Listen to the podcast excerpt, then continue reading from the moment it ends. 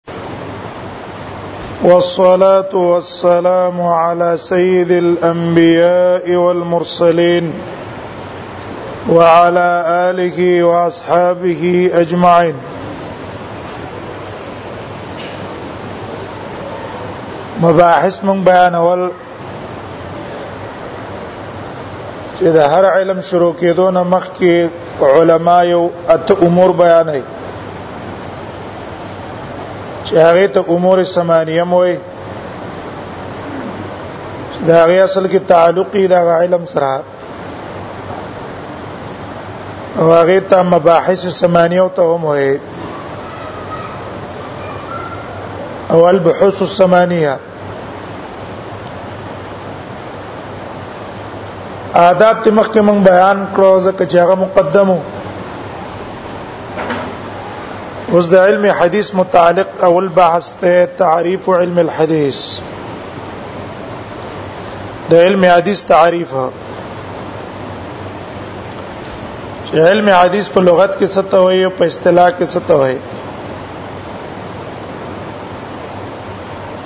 په لغت کې یا خو حدیث ته ضد القدیم دې په مقابل کې کم شی چې زوړي هغه ته قدیم وي کم شی چې نوې جديدي هغه ته ویل کی حدیث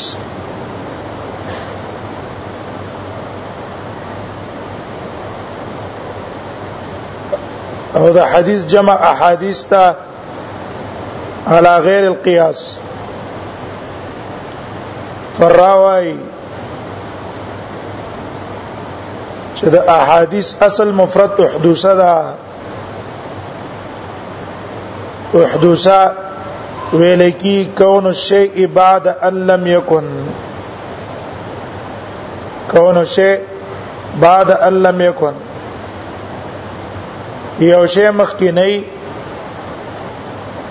او رستو پیدا شي دي ته ویل کی احدوثا حدیث تم حدیث زکه وای چې دا مخ کې نو په مقابل د قران کې قران قدیم دی او احادیث د رسول الله صلی الله علیه وسلم جدید دی بیرستو اطلاق راغله په کلام هغه لګي او کډيري هغه ته حدیث ویل کیږي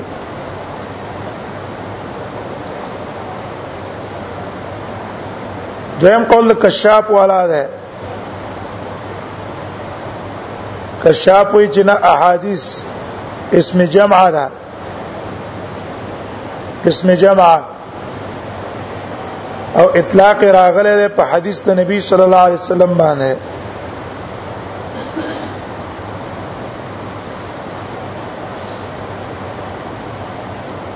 لیکن عام علما دغه بحر محیط والا وای هغه په کشاف باندې رد کړه هغه وای لیس الاحاديث باسم جمع احادیث اسم جمع نه ده بلکې دا جمع تکثیر ده د پاره د حدیث علی غیر القياس لکه اباطیل جمع د باطل علی غیر القياس ځکه اسم جمع وزن د احادیث باندې نه دراغله حدیث مقابل د سشلو ضد القدیم یا دویم قول به من کوایو چې حدیث اصل کې ماخوذ د تحدیث نه بیانولو ته وایي احادیث هم رسول الله صلی الله علیه وسلم بیان کړی دی امت ته وما بنعمت ربک فحدث د آیات د وجه نه دې ته حدیث ویل کیږي په اصطلاح د محدثینو کې حدیث څه ته وایي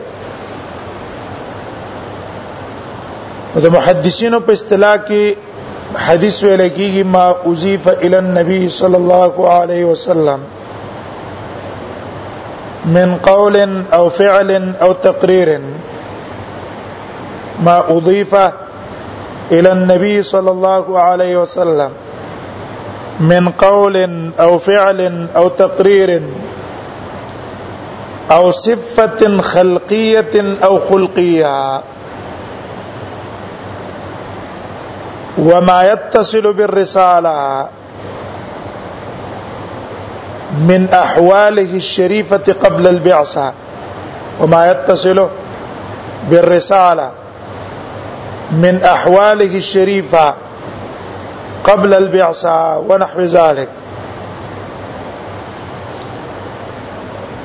مر علم حدیث په اصطلاح د محدثین کې هغه علم توای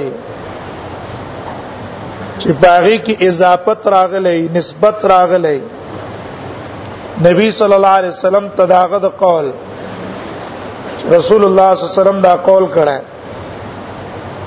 یا نسبت نبی صلی الله علیه وسلم ته د فعل راغلی چې رسول الله صلی الله علیه وسلم دا کار کړه یا تقریر لکه دا غي وضاحت کو یا پاکه د نبی صلی الله علیه وسلم صفات خلقی بیان شوی چې رسول الله صلی الله علیه وسلم ربعت القوم درمیانه قد قامت والا نو وګدون لندو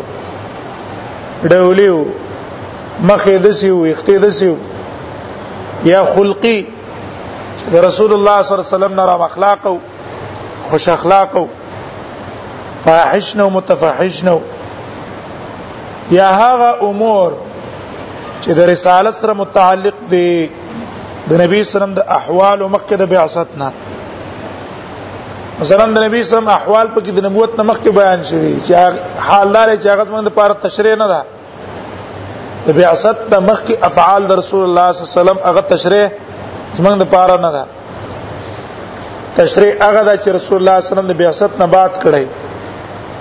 او په حدیثو کې هغه بیانېږي په دې قید ته وګورئ په دې تعریف کې قید لګول دی ما اضیف الی النبی صلی الله علیه وسلم توجیه په قید ولې لګول دا د لپاره چې دا شامل شي هغه اقسام د حدیث ته الحديث الصحيح والحديث الحسن والحديث الضعيف که صحیح حدیث ته که حسن حدیث ته که ضعیف حدیث ته په دې ټولو کې نسبت نبی صلی الله علیه وسلم تراغله دې ټولو کې رسول الله صلی الله علیه وسلم ته نسبت راغله چې رسول الله صلی الله علیه وسلم ته پکې نسبت راغله اگر که ضعیف هم ده هغه باندې اطلاق د سکیږي حدیث کیږي او په صحیح او په حسن خو خامخا اطلاق د حدیث کیږي دیو جن علماء قید د اوزی په لګول دا تعریف ته په نزد محدثینو دویم تعریف ته د فقها او د اصولینو فقها چې په خپل کتابونو کې تعریف د حدیث کوي یا اصولین چې بحث السنه راوړي او په بحث السنه کې تعریف کوي د حدیث دا غي تعریف بیا مختصر ده په نسبت د دیو په نسبت د محدثینو دا غي تعریف مختصر ده غي تعریف کوي چې حدیث څه ته وي عبارت عن اقوال رسول الله صلى الله عليه وسلم وافعاله علم حدیث عبارت ته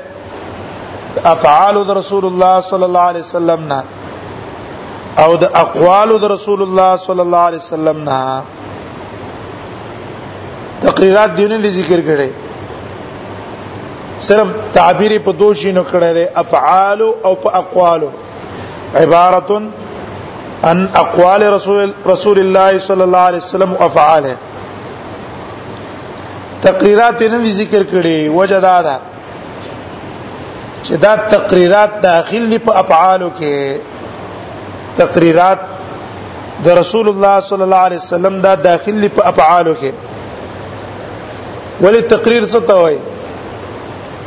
تقریر ویل کیږي السکوت علی الشیء السکوت علی الشیء نبی صلی الله علیه وسلم یو صحابي لیدل په یو عمل او نبی صلی الله علیه وسلم په هغه باندې رد نه دی کړای رسول الله صلی الله علیه وسلم په هغه سکوت اختیار کو یا یو صحابي او وینا وکړه رسول الله صلی الله علیه وسلم په غیرت اونکلو سکوت اختیار کړو نو تقریر اصل کې سکوت ته ویل کیږي او دا سکوت چې د فعل من الافعال دا فعل د افعالنا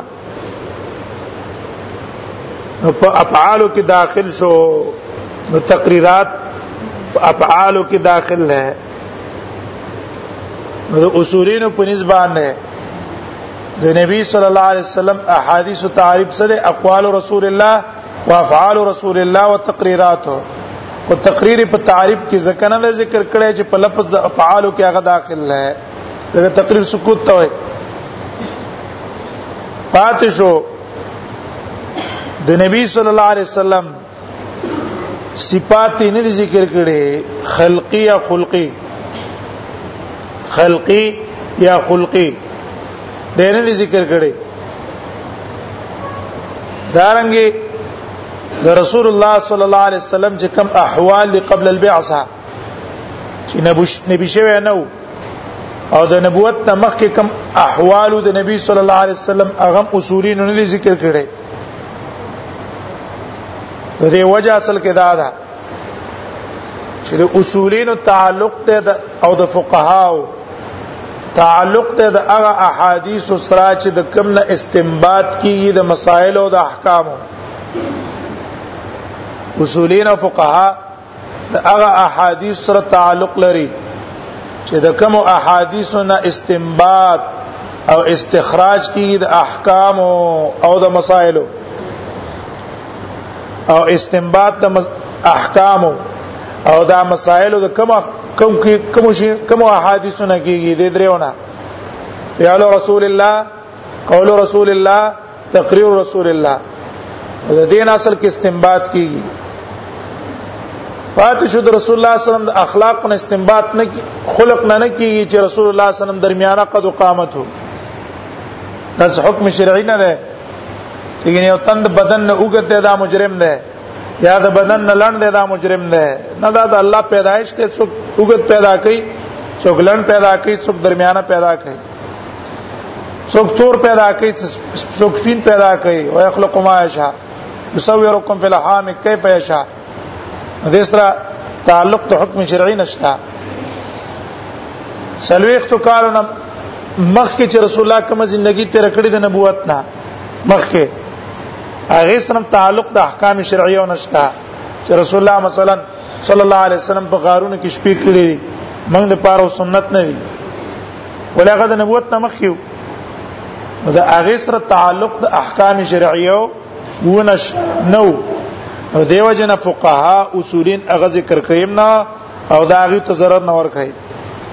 په خلاف د محدثینو محدثین دا هر هغه شی چې نبی سلام ته نسبت شوی ک استنباط ته حکم شرعي ته کیږي او کنه کیږي او دا ټول انواع بیانې نو ځکه دا غي په تعریف کې دا قیود شته اوس دې تعریف باندې نظر واچوي په تعریف کې من اول ما اضيف الى النبي صلى الله عليه وسلم من قول قول ستوي قول ویل کیږي هغه الفاظ ته چې رسول الله صلی الله علیه وسلم پاغه باندې تکلم کړی یا پاکي امر په کولو د یو کار یا نهي د کولو د یو کار نه یا ترغیب پکې بیان شوی هغه ته دته ویل کی قول لکه مشهور حدیث ته انما الاعمال بالنیات نبی صلی الله علیه وسلم حکم د نیت بیان کړی دی خو په ذریعہ د قول سره انما الاعمال بالنیات دار مدار د اعمال په نیت باندې ده ته قول بیان کو دغه سي رسول الله صلی الله علیه وسلم فرمایلی دی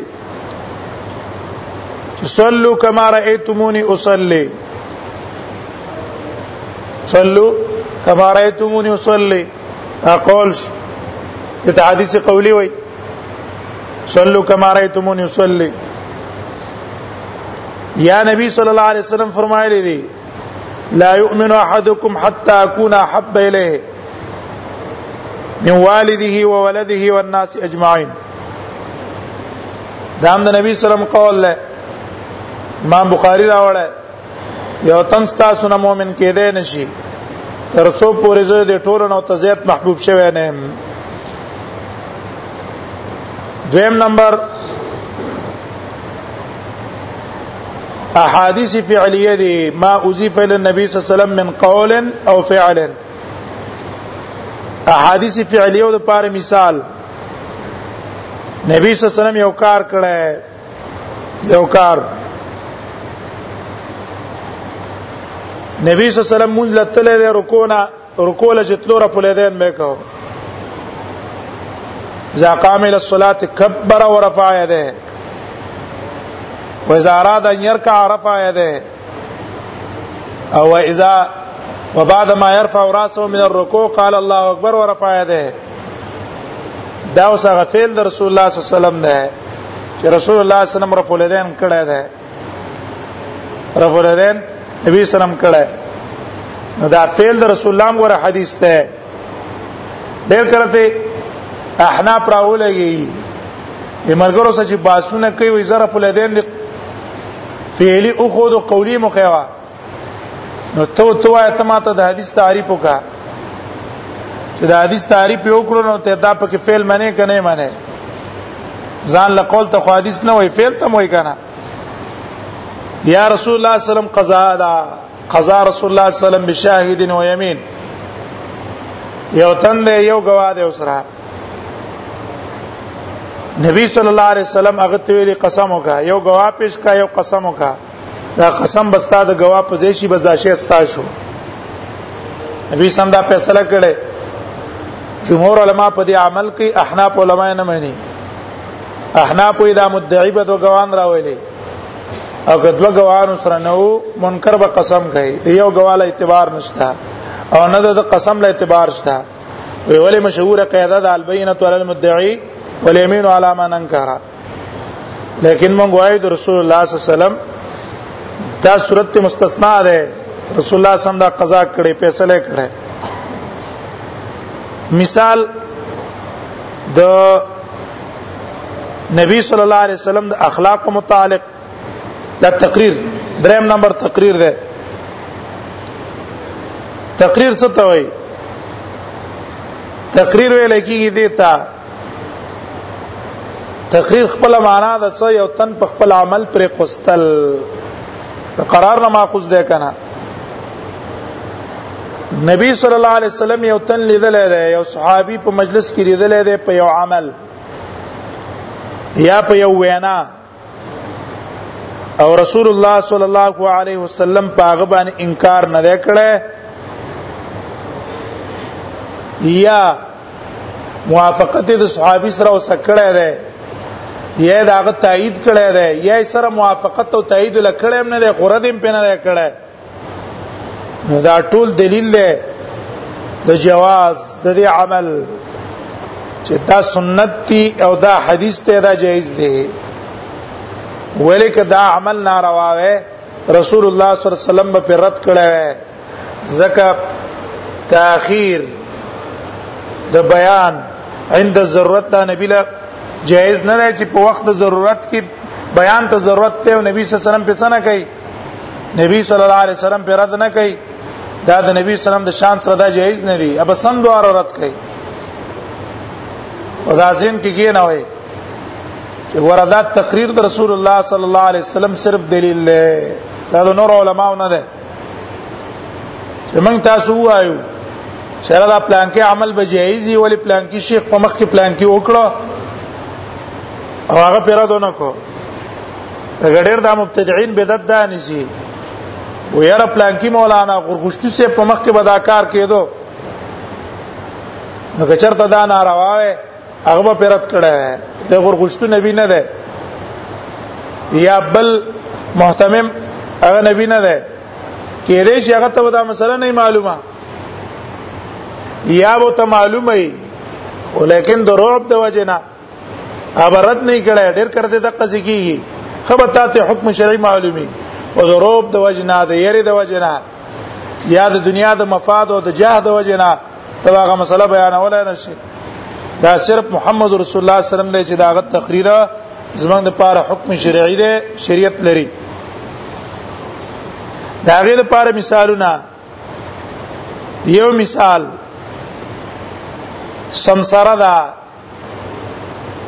زوب چې او ته زوب خادمه درې خړل جایز دي کنه روا دي جمهور علما یې خړل جایز دي حلال ده احناف علما یې جایز نه ده جمهور علما استدلال د جواز د پاره نیولای په تقریر د رسول الله صلی الله علیه وسلم امام بخاری راوړی خالد ابن ولید نه د ابن عباس رضی الله عنه روایت ده وی نبی صلی الله علیه وسلم ته سمسریو تور وړاندې کړی شوی وی نبی صلی الله علیه وسلم اراده وکړه خړلو نو ته ویل شو چې دا الله نبی دا عذاب ده نبی صلی الله علیه وسلم ته لاس را پورته کو او ویل چې را زمنګ په علاقو کې دا شیونه نو زما تبع نه معنی خالد وای فجتررت ما ځان تراخ کلو مې خړلا د نبی صلی الله علیه وسلم راته قتل دا تقریر شو په سبانه په جواز کدا سم سره حرام وي خالد ابن ولید په نبی صلی الله علیه وسلم نه پرې قستله او رب په پکړه چې دا مردار ولې خوري دیم مثال لاغه د پاره موږ وایو د جنوب سړي د پاره تیمم جایز ده اذا خاف البرده یخنی د ډیره سخته وبې یخدي او د جنوب ده لمبل نه شي د یخنی د وجنه د دې لپاره تیمم جایز ده ټول علما فتوا د جواز ورکړي صرف امام شافعي رحمه الله هغه وی الاول جائز دی چې پیریږي په ځان باندې هلاکت زمرما او کنه جائز ورانه ده لیکن جمهور علما وی چې نه هلاکت ته خود بیماری نم ایریدو تیمم ولا جائز د جواز د پار علما استدلال نه ولا عمل عمرو بن العاص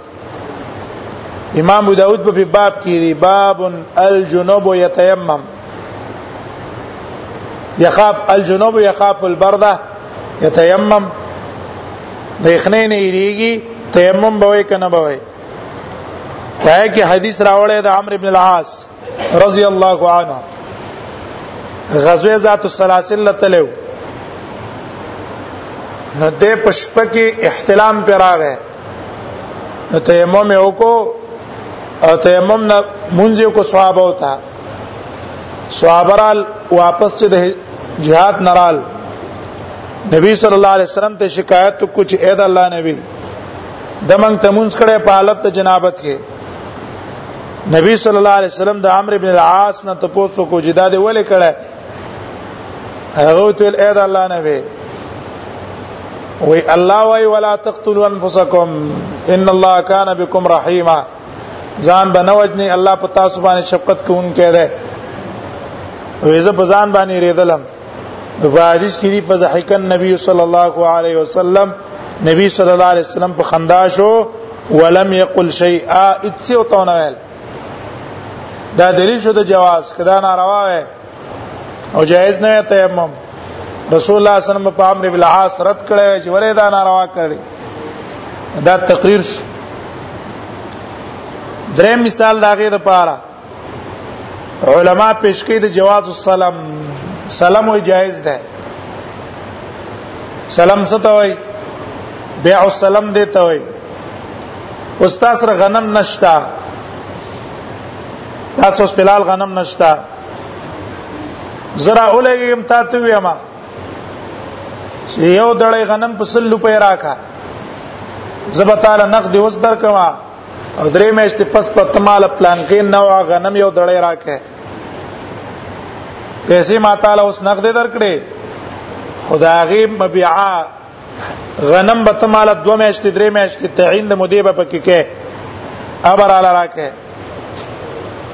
غردل تماتان غنم واغسته حالدار چې مبيع سره موجوده نه ده کاردار چې دا بيع دي باطل شي ځکه لا تبع مال سره اندکه کې داخل لکه نه ده کوم شی چې تاسو رنیا به خرڅه نه دا غنم شته دی نه ته په ما باندې څنګه را خرڅه لیکن دا صورت ته مستثنا ده دا صورت ته څه ده مستثنا او دا صورت جائز ده اگر کتا سم موجود نه ده دلیل په حدیث ته امام بخاری راوړه عبد الله ابن ابي المجالد نه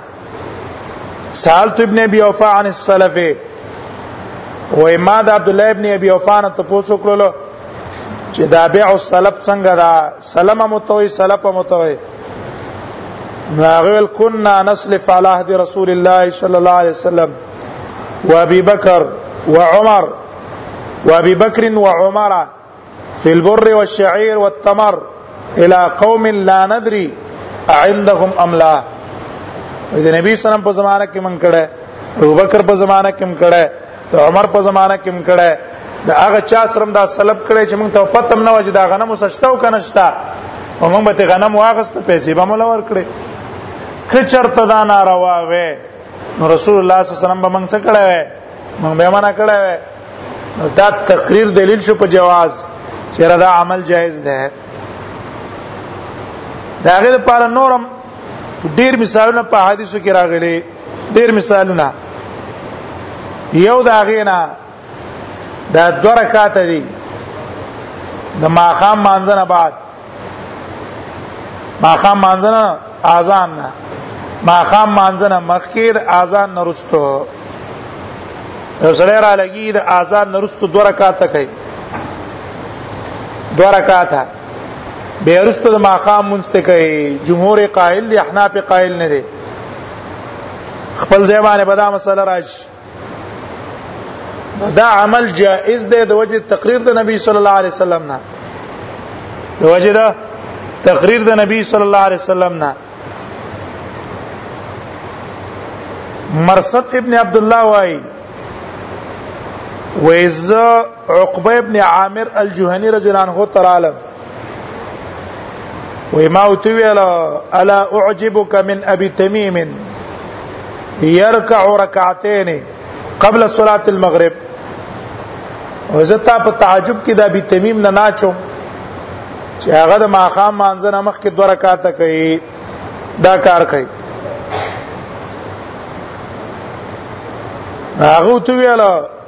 عقبه تو ویل ولی ان كنا نفعله على هدي رسول الله صلى الله عليه وسلم وای د نبی سم په زمانه کې موږ د دوه رکعات کول رسول الله سم موږ نه منع کولو نو که د دوه رکعات د ماقام نه مخکې د اذان نرستو ناروا وې رسول الله صلی الله علیه وسلم موږ منع کړه هغه تو ویل فما يمنعك الان نو سی ولا نه کې چې د نبی سم په زمانہ کې د کول وسیم کوا کنه هغه ویل اوس ځکه نشم کولای شغل او په کارونو کې مشغوله مزګار وته نه کني دا د نبی سم سنت ته دا مثال شو د پاره د تقریر د نبی صلی الله علیه وسلم صفات خلقیه چې د نبی صلی الله علیه وسلم د پیدایش سره تعلق لرلو داغه د پاره خو په حدیثو کې مثالونه راغلي چې رسول الله صلی الله علیه وسلم با شسن الکفین والقدمین د نبی صلی الله علیه وسلم لاسونه زیګو خپې زګې وي ربعت القوم ليس بالطويل درمیانه قد قامت والو وګدنو رسول الله صلی الله علیه وسلم د پاره اختو وفرا وغیر ذلک ليس بالجاد القطب اختیډر کړی نو ولا بالسعد ولا بالثبت او نډیر نیغو دا احادیث تعلق لري د چا سره د رسول الله صلی الله علیه وسلم د خلقت سره داغه د ذات سره شمائل چې څونه احادیث دي اکثر احادیث د شمائل او د نبی سم د اخلاق سره تعلق د خلقت سره تعلق لري هغه احادیث چې د نبی سم اخلاق په کې بیان شوی غداغه د پاره مثال حدیث ته د انس ابن مالک لم يكن النبي صلى الله عليه وسلم سبابا ولا فحاشا نبی سم کنزل نه کوله نبی صلی الله علیه وسلم په فحش الفاظ نه استعمالول نبی صلی الله علیه وسلم لعان نو لعان دام نو وكان يقول لاحدنا عند المعتبه ما له تربت جبينه څوک به هم چې ډیر ملامت کو کنه دون به ویل چې ماله تربت جبینه دا دا تندې دې څه شي دا دې ککړ شي خاور باندې ککړ شي ماله تربت جبینه دا به ډیر ویل په وخت ملامتیا کې دا خو تشریح وکړه من اوس راشه احکام شرعیه متعلق دي د درې شینو پورې لکه مخکې موږ بیان کړو احکام شرعیه احکام د شرع چې کوم دي کنه احکام د شرع کوم دي دا وجوب ده استحباب ده او ندب استحباب یو شی ده او حرمت ده حرمت یا اباحت ته څلورم پکې څه شه ده اباحت د احکام د شرع دي بیا په دې حرمت کې دا کراهت یو نوع ده پنځم په کې هغه جوړ شو د دې احکام شرعیه او تعلق اصل کې د دې انواع سره دي قول د رسول الله صلی الله علیه وسلم سره فعل د رسول الله صلی الله علیه وسلم سره او تقریر د رسول الله صلی الله علیه وسلم سره د دې سره سره کې تعلق د احکام شرعیه د دې وجه لک وضاحت کو داغه اول خبر راواله قول د نبی صلی الله علیه وسلم نو قول د نبی صلی الله علیه وسلم دا خو خامخا شرع د الله دا په دې کې سره اشکال شته دی نه د نبی صلی الله علیه وسلم چې کوم خبره مونږ ته وکړه کنه مثلا موږ ته نبی صلی الله علیه وسلم ویل چې الله اکبر وکړي نبی صلی الله علیه وسلم موږ ته ویل چې مخ وینځي نبی صلی الله علیه وسلم موږ ته ویل چې دا پلان کې کار وکړي نو د دې تابعداري خو په موږ لازم ده دا بکو شرع ده دې کې سره اختلاف نشته په عدم شرع کې دا شرع ده لکه شاطبی سے بوائی شاطبی سے ان الامتثال لقوله صلی الله علیه وسلم واضح انه مطلوب د نبی صلی الله علیه وسلم د اقوال تابعداري دا خو ښکارا ده چې د دې دا مطلوب دی دې پسې بسړې زی عمل به پکې خو ها ولكن المجتهد مطالب بأن ينظر في هذه الأقوال لیکن مجتهد مکلف ته بده چې بده اقوالو کې بدا نظر ساتي چې د رسول الله صلی الله علیه وسلم دا قول امر دا قول چې دا د قبيله د امر نه ده او کله قبيله د نهي نه ده اول بلا نظر ساتي دا قول د نبی سلام د کومې قبيله نه ده قبيله د اقوال نه ده کله قبيله د نواهي د قبيله د اوامر نه ده کله قبيله د نواهي نه ده بیا دا غینه بعد نظر بدا ساتي چې کله قبيله د امر نه آیا دا امر د پاره د وجوب ده او کدا امر د پاره د ندب او سنتیت ته او کنا دا امر د پاره د اباحت ته دا سوچ پم پکې کوي چې دا امر د وجوب ده کدا امر د سنتیت ته ندب مستحب او سنت د الفاظ مترادفه دي معنی ودا الفاظ مترادفه دي معنی ودا او کده قبيله د اباحت نه ده اباحت تاسو معلوم کړه ده کولو کې ثواب نشتا په ترک کې عقاب نشتا کولو نو کو عذاب پکې نشتا او کو دې کړو ثواب ته نه ملاويږي مباح ده ګوروبا دا مثلا قران کې دی و اذا حللتم فاصطادوا اقول له امر دی دا الله اوس دا امر د څه لپاره دی ټول علما وايي چې دا امر د لپاره ده اباحت ده فاصطادوا معنا څه ده خکار حلال وګڼي کې کنه کې او حلال به غنه او دا نه د خامخا بخکار کې ول اخکار کول خو بیا ګران نه اخکار کول هر ځای کې خونه ملاويږي الته امر د پاره نه دب شو اباحت شو نه دب نه اباحت نو دقه سي مجتهد بم په دې اقوال د رسول الله صلی الله علیه وسلم کې بګوري دا رنګه نهي ته به نظر اچي نهي آیا نبی صلی الله علیه وسلم چې په دې حدیث کې نهي کړی دا نهي نو په دې نهي کې د نبی صلی الله علیه وسلم محمول له په حرمت او کوم محمول له په تنزیه حرمت دا دی چې کول دا کار حرام دی او تنزیه معنا دا ده چې خلاف اولاد ګناګار پې نه او خلاف اولاد خلاف اولاد و دې کړو مجرم پې نه خو بهتر عمل نه دی چې سړی دا وکړي د ته ویل کی تنزیه نه کی بم دا نظر ساته چې دا د کمی قبیله نه ده د حرمت د قبيله نه ده او که د تنزيه د قبيله نه ده دارنګ په دې اقوالو کې بګوره د قولونو کې تضاد راغله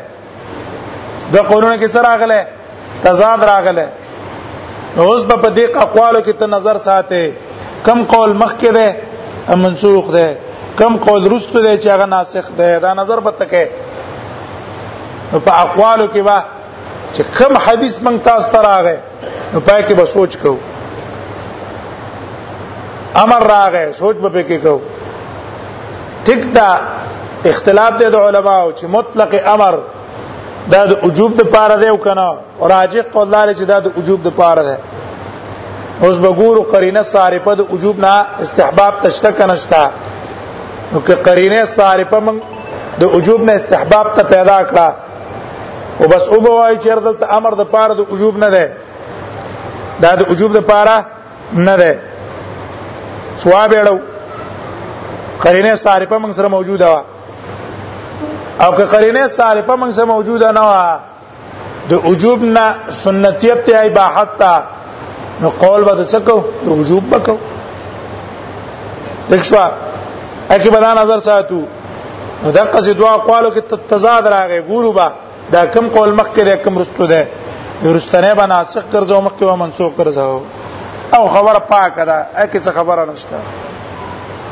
دویمه مسله تقریرات دي تقریرات د نبی صلی الله علیه وسلم په مخ کې عمل شوی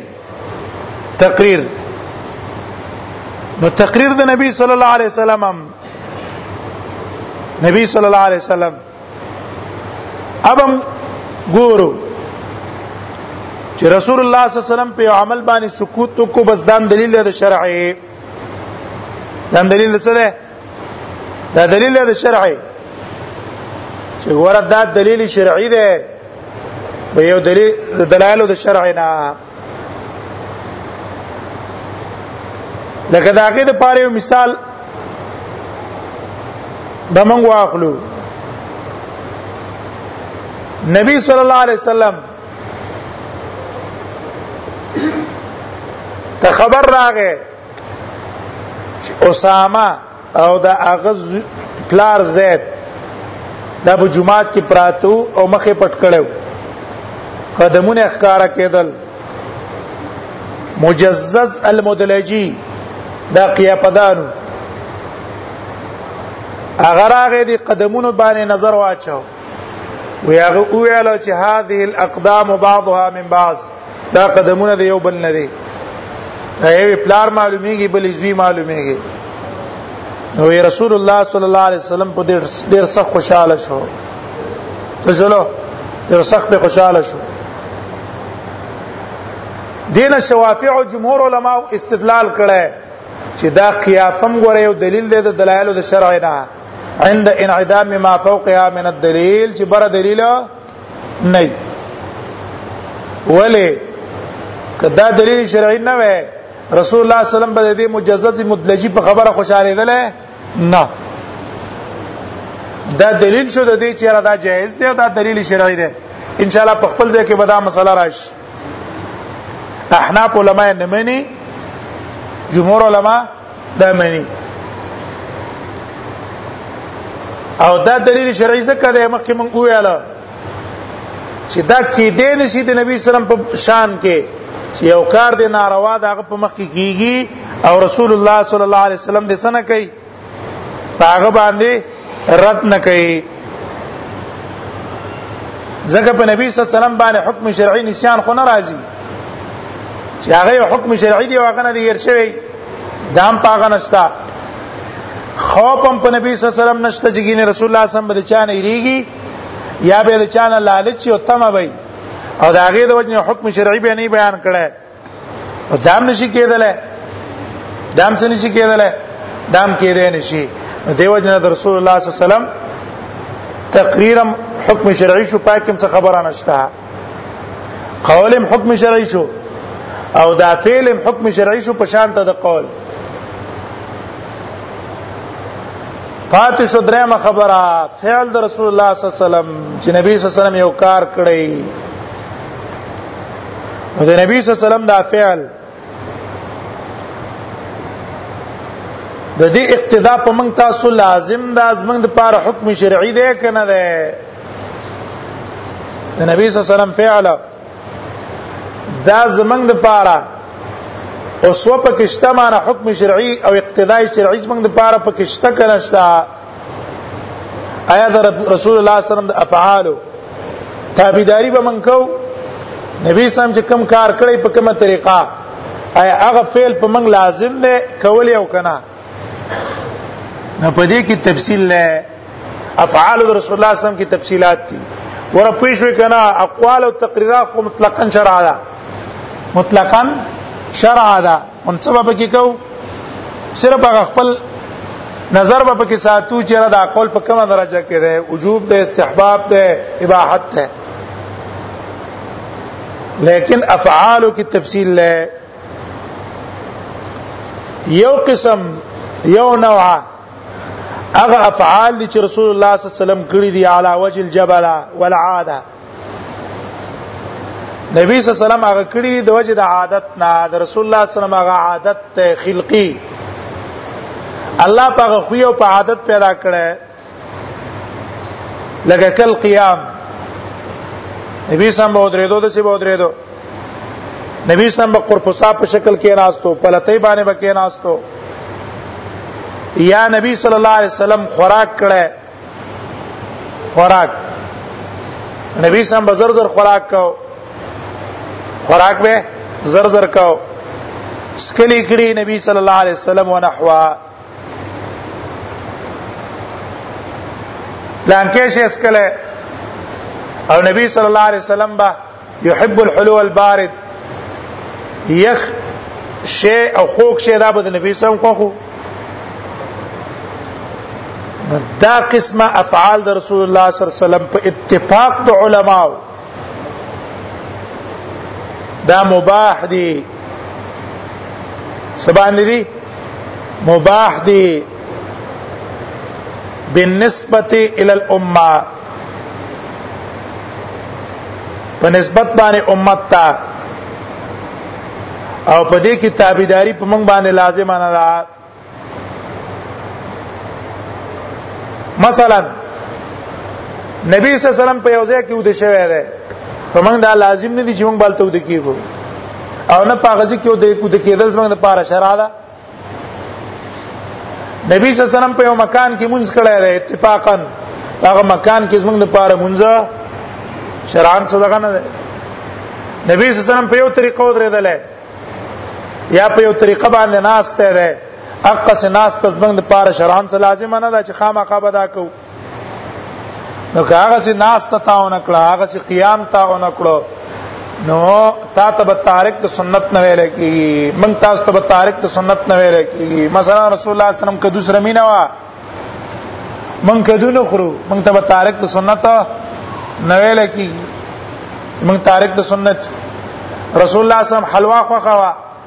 ایا تن حلوا خو خنه طبعا بوج پیراولی د تب تارک د سنت نه ویل کیږي چې الک سات سنت سره مینا نشتا او ته تارک د سنت دلیل پر خبره هغه ده د عمر بن خطاب رضی الله عنه نه نقل لی ابن تیمیه رحمه الله او پتاوا کې ته قول نقل کړه او اغاثه اللحفان هم دا قول نقل کړه ابن قیم رحمه الله په اغاثه اللحفان کې او عمر ابن الخطاب په سفر باندې روانو وفرعا قوما ينتابون مكانا یصلون فی سکسان اولیدل چې یو ځای کې راجمه کېدل التمونس کاو عمر ابن الخطاب ویل ما هاذا دا څه کوي دیو نو هغه ویل چې هاذا مکان صلى فيه رسول الله صلى الله عليه وسلم ودا زید نبی صلی الله علیه وسلم په کې مونږ کړه ده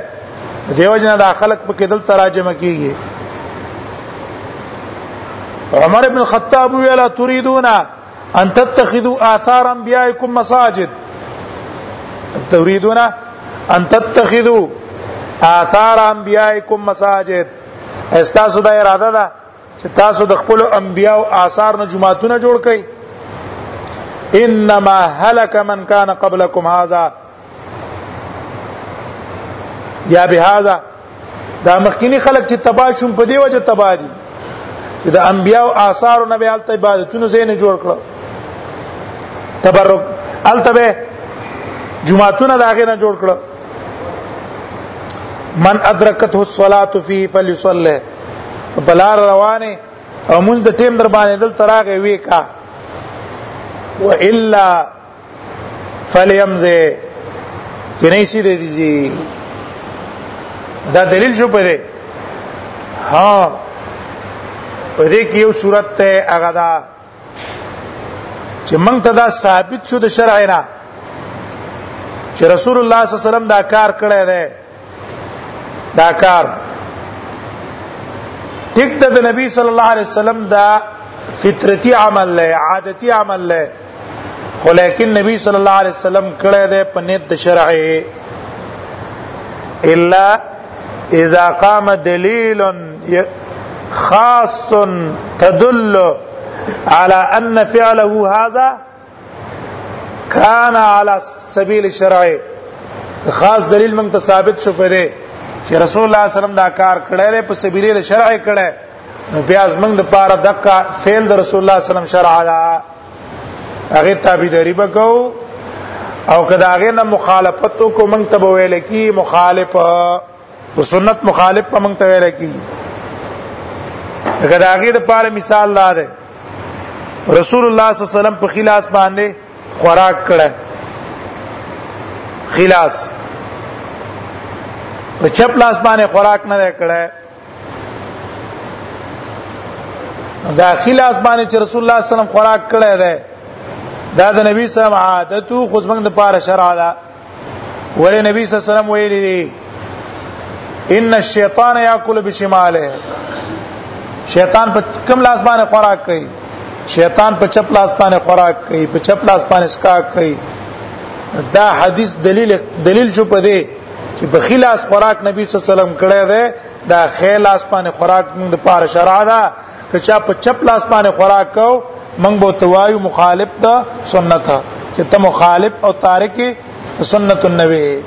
سورته من شاء الله زم کې پریوته هغه افعال چې رسول الله صلی الله علیه وسلم کړی دي په سبیل د عادت عادت هغه زمند لپاره شرع نه ده الا اذا قام الدليل على شرعه دلیل قائم شو په دې چې رسول الله صلی الله علیه وسلم دا کار کړی په سبیل د شریعت بیا زمنګ د پاره څه ده زمنګ د پاره بیا د هغه تابعداري په کار ده ها مې رښتو بیانو چې د دې قسمه افعال التابعدارین په کومه درجه کې ده په اوله انواع بیانو آیا د دې تابعداري موږ لپاره په کار ده کنه ده کمنګه د قصې کارونه کو ثواب په تمنګ ملاويږي کنه هغه به رستو بیانو قول انواع بیانو دیم نوعه هغه هغه قسم افعال دي د رسول الله صلی الله علیه وسلم چې موږ ته د احادیثو نه دا ثابت شوی دی چې دا کارونه د رسول الله صلی الله علیه وسلم خصوصیت ته ما ثبت کونه من الافعال الخاصه به صلی الله علیه وسلم دا کارونه نبی صلی الله علیه وسلم کړی دي خدا د رسول الله صلی الله علیه وسلم خصوصیت ته د بل چا د پاره د څه کارونه کول جایز نه دي بل چا د پاره د څه کارونه کول جایز نه دي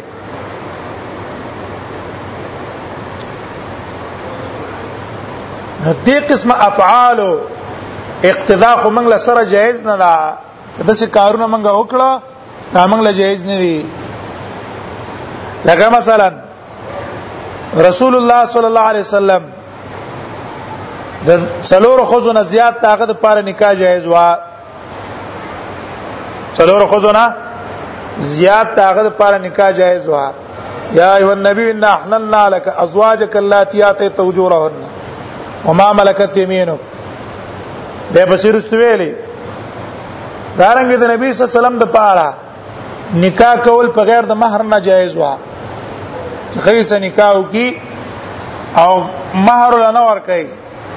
دا د رسول الله سم خصوصیت ته موږ تاسو لپاره نکاح جایز نه ده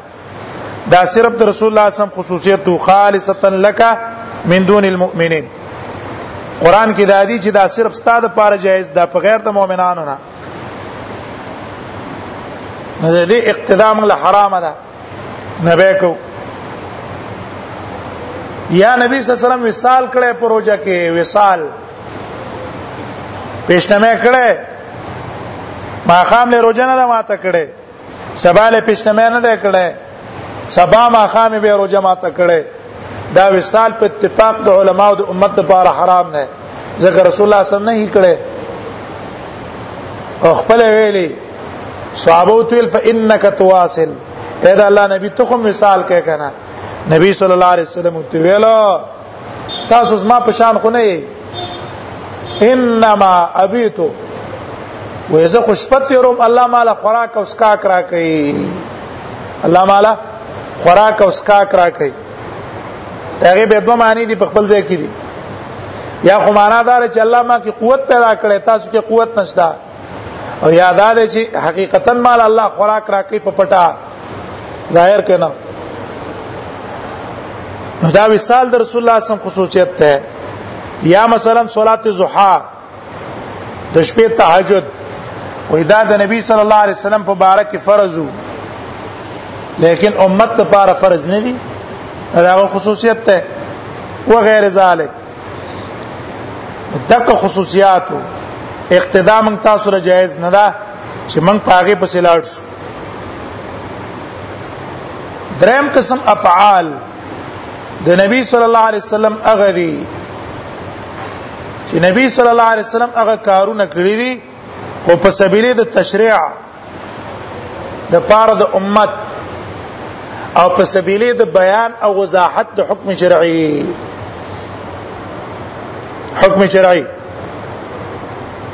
نبی اسلام کار کړی د څه د پاره د دې د پاره چې موږ ته دا را اوخی چې ګوره دا حکم د الله په دې طریقه باندې ادا کړي نو د دې افعال تابعداري په موږ تاسو لازم نه چې دې افعال تابعداري وکاو او دا زمنګ د پاره شرع ده کله دې مخالفت من وکړو من به تارکین للسنه او مخالفین للسنه وي او کتابداري اون کړه تابعداري په من لازمه نه کتابداري اون کړه ګناګار او کتابداري وکړه متبعين د سنت وي اگر داغي مثال رسول الله صلی الله علیه وسلم مونږ کړه مونږ الله اکبر ویلو لاسی په سینه باندې کې خوستلو په کومه طریقې کې خوستلو یا په ساعد باندې خیره یا په مړوان باندې کپ باندې خیره په کپ او په مړوان باندې او په ساعت باندې ګوت راغلی په دې طریقه دا طریقه رسول الله صلی الله علیه وسلم کړي رکوع لاړ لاس پورته کو رکوع را پورته شو لاس پورته کو دا افعال رسول الله صلی الله علیه وسلم کړي خدای په کوم حیثیت کړي دي په حیثیت تشریع ولی رسول الله صلی الله علیه وسلم بیرست مونږ ته ویلي صلو کما رایتمونی اصلي تاسو مونږ کوي لکه تاسو زه په کومه طریقه باندې ولیدلم چې زمونږ کوما وس د نبی سلام دا افعال دا تشریح د دې آیات واقیموا الصلاه واقیموا الصلاه اقامت د منځ بکوي راغې لپاره تشریح شوه یا نبی صلی الله علیه وسلم کارونه د حج کړی دي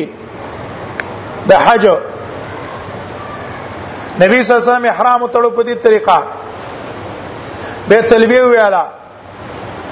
بیا دا وکړه حجر اسود خپل کړو به استباع وکړه رمل وکړو دا غنه اوس صفه مروه منځ کې منډه واله مېړه اخزرین کې منډه واله سعی وکړه وغیر ذالک عرفات کې دا وکړه په مزدلفه کې دا وکړه په مینا کې دا وکړه دا ټول کارونه چې رسول الله صلی الله علیه وسلم کړی دي د په سبیل تشریح کړی دي امت ته تشریح ورخی چې حج به کوي په کومه طریقه به کوي دیو جن رسول الله صلی الله علیه وسلم به په اخر کې ویل دي خذو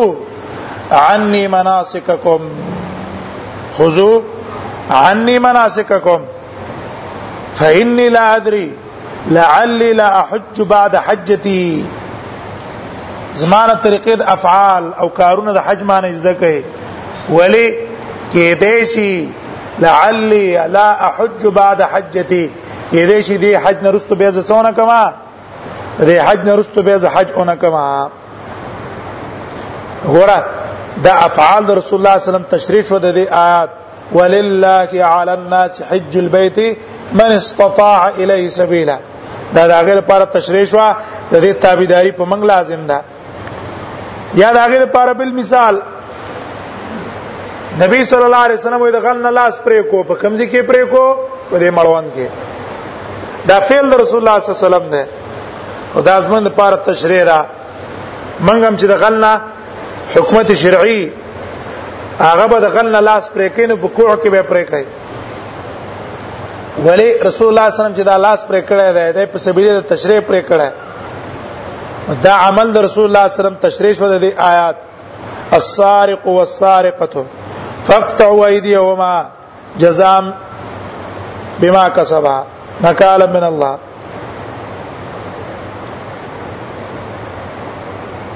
سلورم قسم هغه افعال دي چې رسول الله صلی الله علیه وسلم کړی دي خدای یو قبیله نم نه دي نه د قبيله د عادت نه اولنې نو عام نه ده چې ګینه رسول الله صلی الله علیه وسلم کوم دي فطری فطری امور هم د نبی صلی الله علیه وسلم نه دي او د نبی صلی الله علیه وسلم خصوصیت هم په هغه فعالو کې نشته ګینه دا صرف خصوصیت ته د رسول الله صلی الله علیه وسلم او نه نبی صلی الله علیه وسلم کړي په سبیله د تشریع یعنی د امت ته بیان کړي داغه د تشریح داغه قبیله نم نه دی نو اوس په موږ څه کو اوس به څه کو ها نو اوس به ګورو په دې امور کې به ګورو کنه به سم دا کارونه کړیو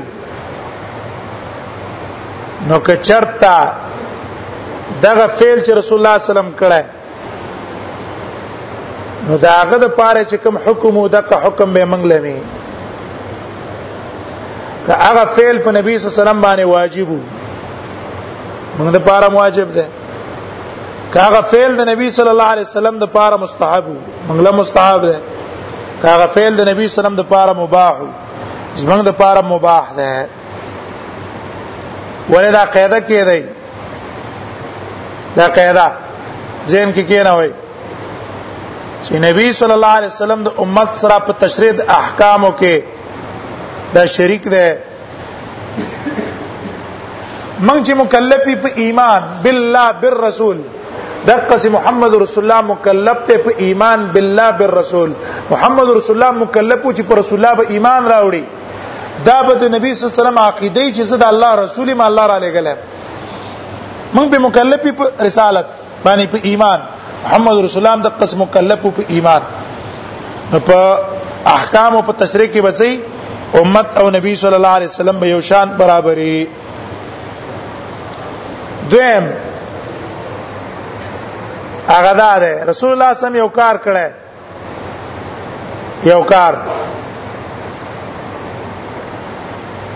او هغه باندې دلیل د خصوصیت نشتا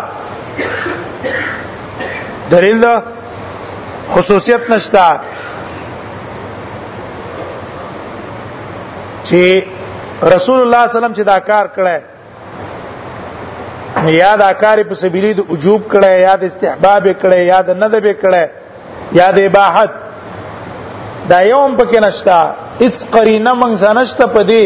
چې رسول الله دا کار کړه د دې وجوب د پاره استحباب د پاره یا د ندب د پاره نه دا یو قرینه مونږ سنشت خو نبی صلی الله علیه وسلم نه صادر دی بشوي دی نو اوس به ګورو اوس به موږ ګورو که رسول الله صلی الله علیه وسلم دا کار کړی خو به دې کې معنا د قربت ته د عمل کې څه شته معنا د قربت ته پکې معنا عبادت د قبيله د عبادتونه ده نو بیا به موږ را لګیږو د هغه تابعداري وکاو لکه مثلا نبی صلی الله علیه وسلم یو عمل کړی دی پاغه دوام کاو نبی سم به کله عمل کاو پاغه باندې به څه کاو پاغه باندې به دوام کاو دوام نګور دا عمل باندې دوام د نبی صلی الله علیه وسلم دلیل دی د قرب کنه چې دا عمل الله ته محبوب دی ځکه پر رسول الله دوام کړي موږ بم څه کو موږ بم په دغه نفلي عوامل باندې څه کو چې یو نفلي عمل هم شروع کوم موږ له پکاردار چې دوام پیو کو فرض را باندې نه ده دوام فرض نه ده ولیکن تاسیب نبی صلی الله علیه وسلم په پکار ده چې کان رسول الله صلی الله علیه وسلم وی نبی صلی الله علیه وسلم به کله عمل وکړو دا و ما علیه هغه باندې به دوام وکړو غلم په دوام پکار دی او که چرتا رسول الله صلی الله علیه وسلم یو کار کړی دی خو معنا د قربت پکې نشته قربت نشته دغه مثلا نبی صلی الله علیه وسلم اختبرخي دي کله غوګونو پوری پرخي کله کته پرخي نو که یو تن سره خړای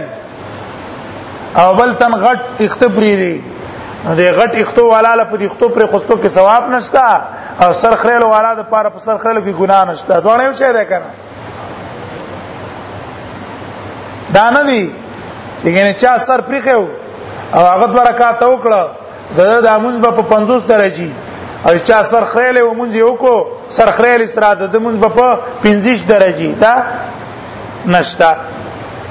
حال دار چې رسول الله څه کړی دي اختبري کړی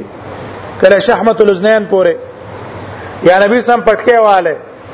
او شملې د وګو په منځ کې بریخې دي نګور دا عمل نبی سلام کړه عادتا هم نه ده کړه سبل جبلیه نه ده یعنی په دې خوې باندې نبی سلام پیدا کړه الله پیدا کړي دا فطری امر هم نه ده او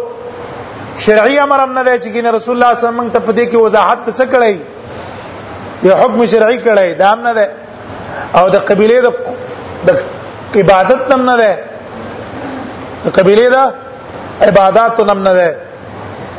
نو اوس د دې افعال تابعداري په منګ باندې شته کنه شته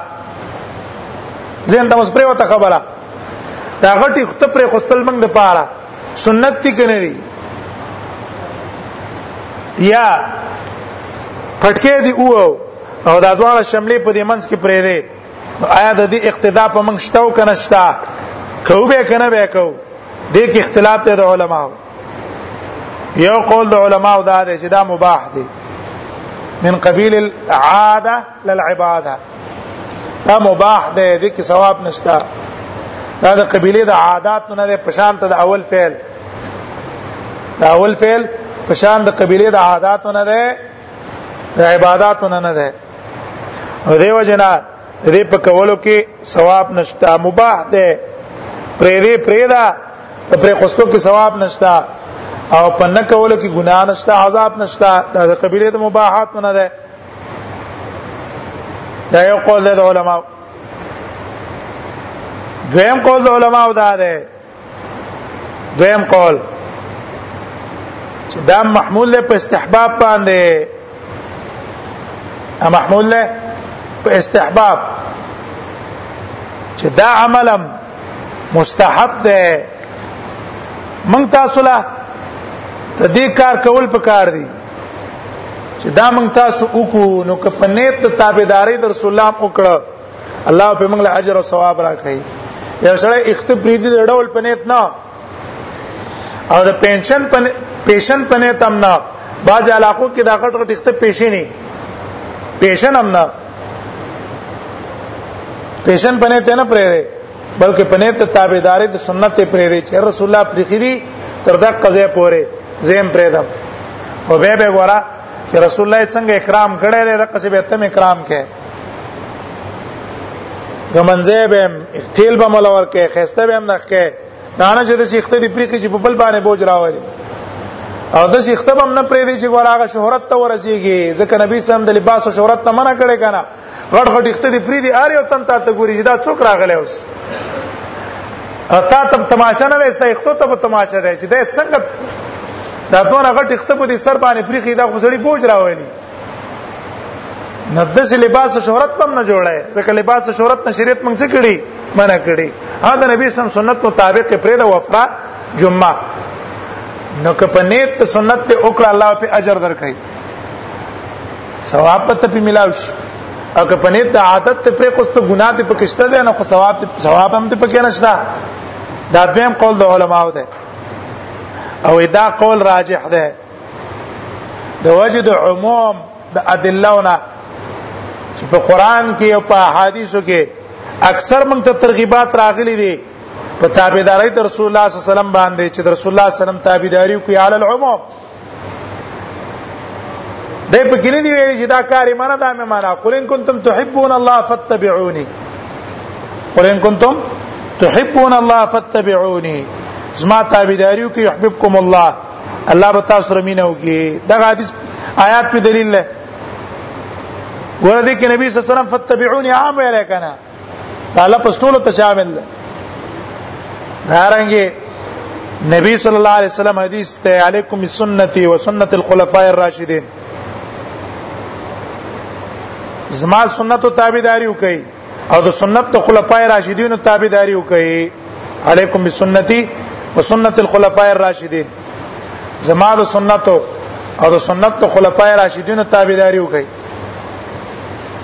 دغه لفظ شامل دی چاته دغه اقسام د سنت ته هم شامل دی دیو جن راجح قول دا دی چې په دې افعال کې موږ تاسو له اقتدا کول پکار دی دو تعریب ته علم حدیث لغتا او اصطلاحا او په اصطلاح کې لکه دا قیود په دې قیود کې تشریعات دیو جنم دا وکړه وخم په ختمې دوه دې باندې اکتفا وکړو ان شاء الله نور پاس مباحث په او بیان کو